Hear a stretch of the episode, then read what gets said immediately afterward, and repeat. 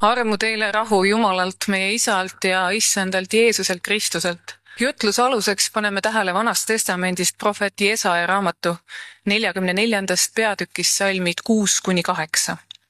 nõnda ütleb issand Iisraeli kuningas ja tema lunastaja, vägede issand. mina olen esimene ja viimane ja ei ole muud jumalat kui mina. kes on minu sarnane, see hüüdku, jutustagu sellest ja kandku mulle ette sest ajast, kui ma seadsin muisse rahva ja tulevased sündmused, jutustagu nad neile sellest, mis on tulemas. ärge värisege ja ärge kartke. kas ma ei ole sulle juba ammu kuulutanud ja teatavaks teinud? Teie olete mu tunnistajad. kas on muud jumalat kui mina? ei, muud kaljut ei ole, mina küll ei tea. aamen. olge head, võtke istet oleme jõudnud Vana Testamendi peale jutlustamiskiriku aastasse ja mulle ikka tundub, et arvestades Vana Testamendi erilist kaugust meie ajast, on alustuseks väike ajalooline ekskurss vajalik. kes oli prohvet Jesaja ja kas ta kirjutas kogu oma grandioosse teose ise? viimase osas ollakse üpris kindlad, et mitte. Jesaja raamat jaguneb tõenäoliselt kolme autori vahel kolmeks osaks ja meie tänane tükk on omistatud Deutero Jesajale. ja minu hinnangul on just see osa kogu Jesaja raamatust omamoodi kõige lootustandvam. prohvet, kes ta siis oleks, kirjeldab aega, mil Jeruusalemm on varemetes.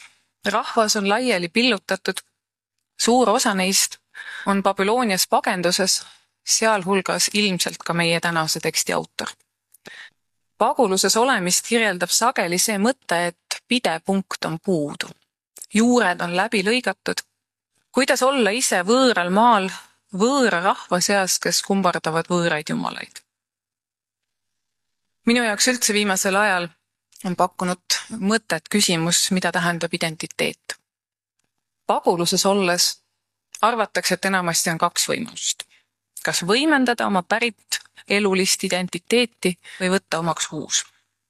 noh, ilmselt see ei ole siiski nii mustvalge, et enamasti ikkagi pigem jäetakse midagi vana, millele seguneb juurde midagi uut. kõik, kes on äh, meie Kanada väliseestlastega suhelnud, teavad seda väga hästi. oleme kohanud arvamusi, et äh, äkki see on vale. äkki tuleks ikka oma seda iseolemist hoida, sest muidu me lahustume ära teiste sekka ometi tuleks ju mõelda selle peale, et me oleme niigi kogu aeg muutumises.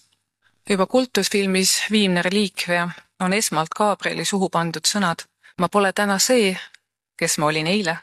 ka teie pole homme enam see, kes te olete täna. ja kui me nüüd mõtleme, kus need juudid on, nad on seal eksiilis, võõral maal. Ja sel hetkel tuleb läbi prohveti neile sõnum, mis pidi neid kinnitama oma jumalas mina olen esimene ja viimane, alfa ja omega. kuidagi huvitaval moel on minu kätte sattunud viimasel ajal mitmeid juutide mälestusi just kahekümnendast sajandist. ja suured osad neist lugudest loomulikult jõuavad lõpuks pagulusse. näiteks oli üks huvitav fakt, mida just Ameerikasse rännanud juudid sageli kuulsid. How to spell your name? kuidas teie nime ikkagi kirjutatakse või hääldatakse? omades ise nime, mis rahvusvahelisel areenil kõlab enamasti kui Trin ning lisaks on mind korduvalt meheks arvatud, siis saan ma väga hästi aru inimese identiteedi seostatust oma nimega. ka siis, kui abielludes nime vahetada, see ei ole alati väga lihtne. Ehk siis, kui sa oled kuskil eemal ja isegi su nime ei suudeta hääldada, kas sa siis oled päriselt oma? kuidas määrab see, kuidas meid nimetatakse, seda, kes me oleme? no hea näide. kui kas last või ka täiskasvanut ikka pidevalt kõlupeaks ja idioodiks kutsuda, siis ta varsti hakkab arvama, et see on ikka tõsi küll. see muutub osaks tema identiteedist. ta võib selle vastu mässata, ta võib selle alandlikult omaks võtta või teha elus kannapöörde ja muuhulgas ka oma sünninime ära muuta läbi kõige selle on küsimus ikkagi pidepunktide järg. mis on see, mis mind määratleb, mis mind seob, mis mind teeb selleks, kes ma olen? ja kes ma siis õigupoolest olen. mul on vahel tundunud, et tänases päevas peavad noored tegema aina enam ja rohkem otsuseid oma identiteedi kohta kui kunagi varem. küsimused soolisuse ja seksuaalsuse kohta on sama intiimsed kui küsimused religioossuse kohta. aga samas tahaksin ma küsida, et kas see ikka on tänapäeval kuidagi teistmoodi? kas see on kahekümne esimese sajandi küsimus?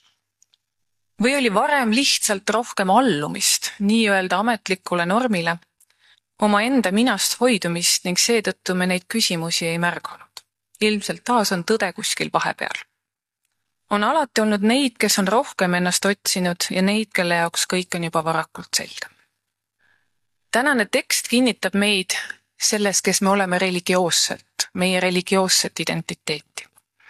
see on kirja pandud küll juutidele eksiilis ammu enne meie ajaarvamist ja ometigi kõnetab meid ka täna.